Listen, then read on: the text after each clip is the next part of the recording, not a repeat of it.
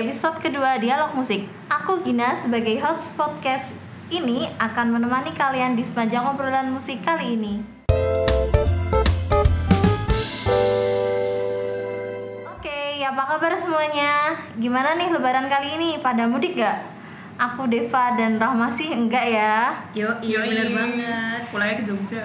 Eh iya, tunggu tunggu tunggu. Aku belum kasih tahu nih. Sekarang aku ditemenin sama Deva dan Rahma. Jadi mereka ini salah dua dari player GMCO yang mainin dua instrumen yang serupa tapi tak sama lah, yaitu violin dan viola. Nah, kayaknya kalau tak kenal maka kenalan lah ya.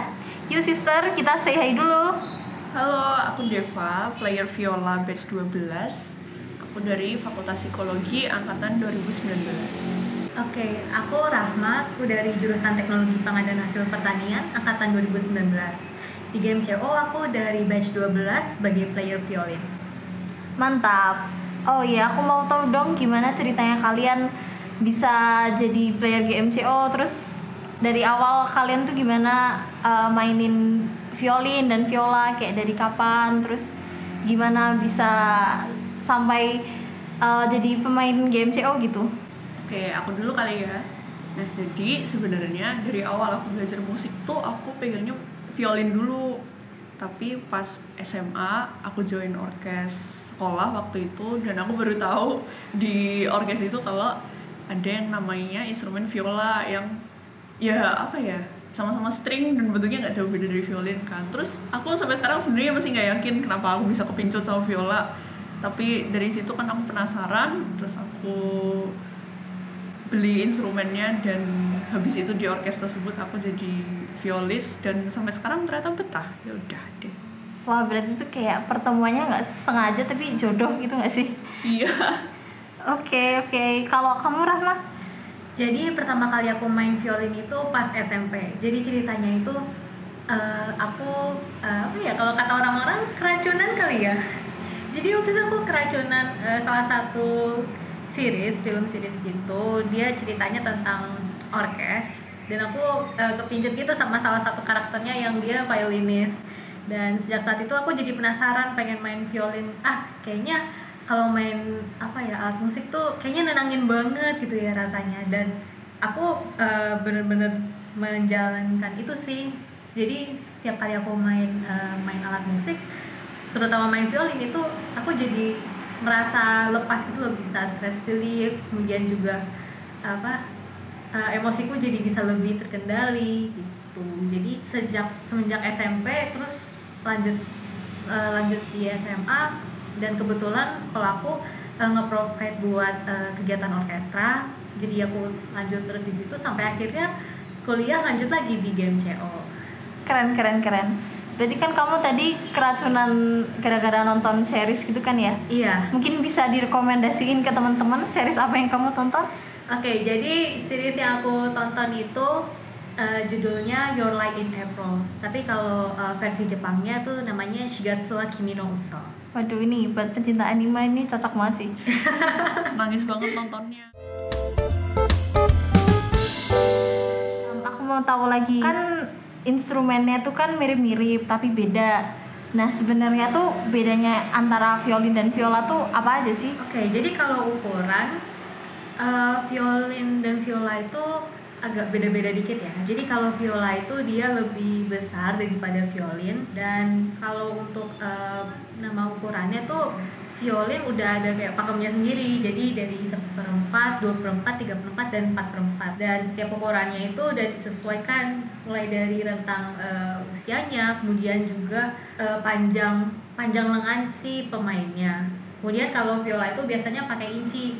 Size yang paling kecil itu dia 12 inci sampai size yang paling besar itu 16 inci. Oh. mungkin buat perbandingan juga kalau adult size-nya violin itu 4 per 4 kalau diinciin dia sekitar 13 sampai 14 inci sementara kalau adult size-nya viola itu 16-an ke atas jadi emang kalau viola tuh agak-agak oversize gitu deh kalau dipegang kalau dilihat di tangan yang main gitu Oh oke oke. Berarti generally viola tuh lebih gede daripada violin gitu kan ya? Mm. Terus kalau di bagian senar dan nada-nadanya itu bedanya apa? Nah kalau senar itu violin, violin viola tuh sebetulnya ya, mereka sama-sama punya empat senar, cuman beda di nadanya. Kalau violin itu dia eh, senar nada senar yang paling rendah tuh dia G, kemudian lanjut D, A, dan yang paling tinggi itu E.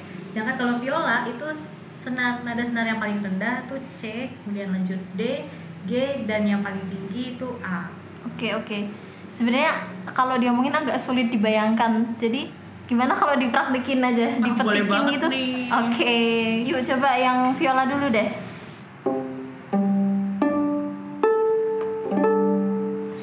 Oke, jadi itu ya tadi viola. Terus sekarang giliran yang violin coba. Nah, oke, barusan yang ini violin. Jadi kayak gitu ya beda nadanya. Oh ya teman-teman aku uh, mau nambahin sedikit. Jadi selain di uh, nada di senarnya, violin dan viola itu juga punya range nada yang berbeda teman. Hmm, iya, Jadi benar. di violin itu nada yang paling rendah itu dia mulai dari G oktav 3 sampai A, A oktav 7 nada yang paling tinggi. Sedangkan kalau viola itu nada yang paling rendah itu C oktav 3 kemudian yang paling tinggi E oktav 6. Oke, jadi itu ya bedanya. Em, berarti kalau dari nada dan senarnya aja udah kayak beda-beda gitu. Berarti kan kalau dimainkan keseluruhan gitu, berarti kan beda kan ya? Kayak suasana atau karakter lagunya gitu. Boleh request ya kalian mainin sepotong atau dua potong lagu gitu? Oke, jadi eh, kami akan membawakan eh, sepotong lagu di judulnya Canon Canon Inde. Mungkin kalau teman-teman eh, dengerin judulnya agak kurang familiar, tapi kalau misalkan udah dengar nadanya pasti teman-teman bakal ngeh banget sama lagunya. Oke, mungkin mulai dari aku dulu ya. Oke, yang ini violin kan? Iya, violin. Oh my god, jadi kayak gitu guys yang violin Keren berdua sih, banget. berdua gak sih?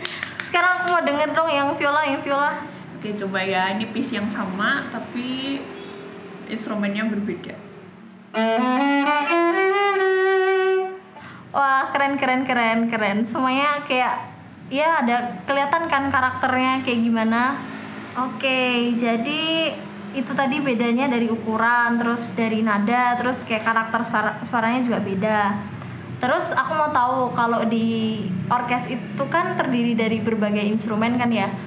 Terus kalau si violin sama viola sendiri itu perannya apa sih dalam suatu orkestra gitu? Oh berarti kalau perannya dalam orkestra ya.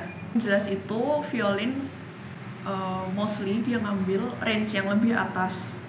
Dan kalau lihat pemain-pemain violin tuh kayak mainnya tuh ngoyo banget di ujung-ujung gitu loh. Aduh aku mau meraktekin nggak kelihatan. Tuh kan, kayak nadanya udah nyik nyik yang udah di atas atas. Nah sementara violin itu eh salah kok violin. Sementara viola itu dia kayak eh, dia ngambil tengah. Dia posisi duduknya juga di tengah dan dia jembatanin antara violin dengan dengan low section, cello dan kontrabas kayak gitu. Terus kalau peran mainnya juga violin terlebih banyak solo dan melodi, sementara viola itu main ngambil harmoninya. Jadi orang sering bilang kalau viola main di orkes tuh nggak kedengeran, tapi kalau nggak ada violanya pasti kerasa. Oh gitu. gitu. Jadi berarti emang perannya tuh kayak jadi jembatannya gitu kan ya antara violin sama cello.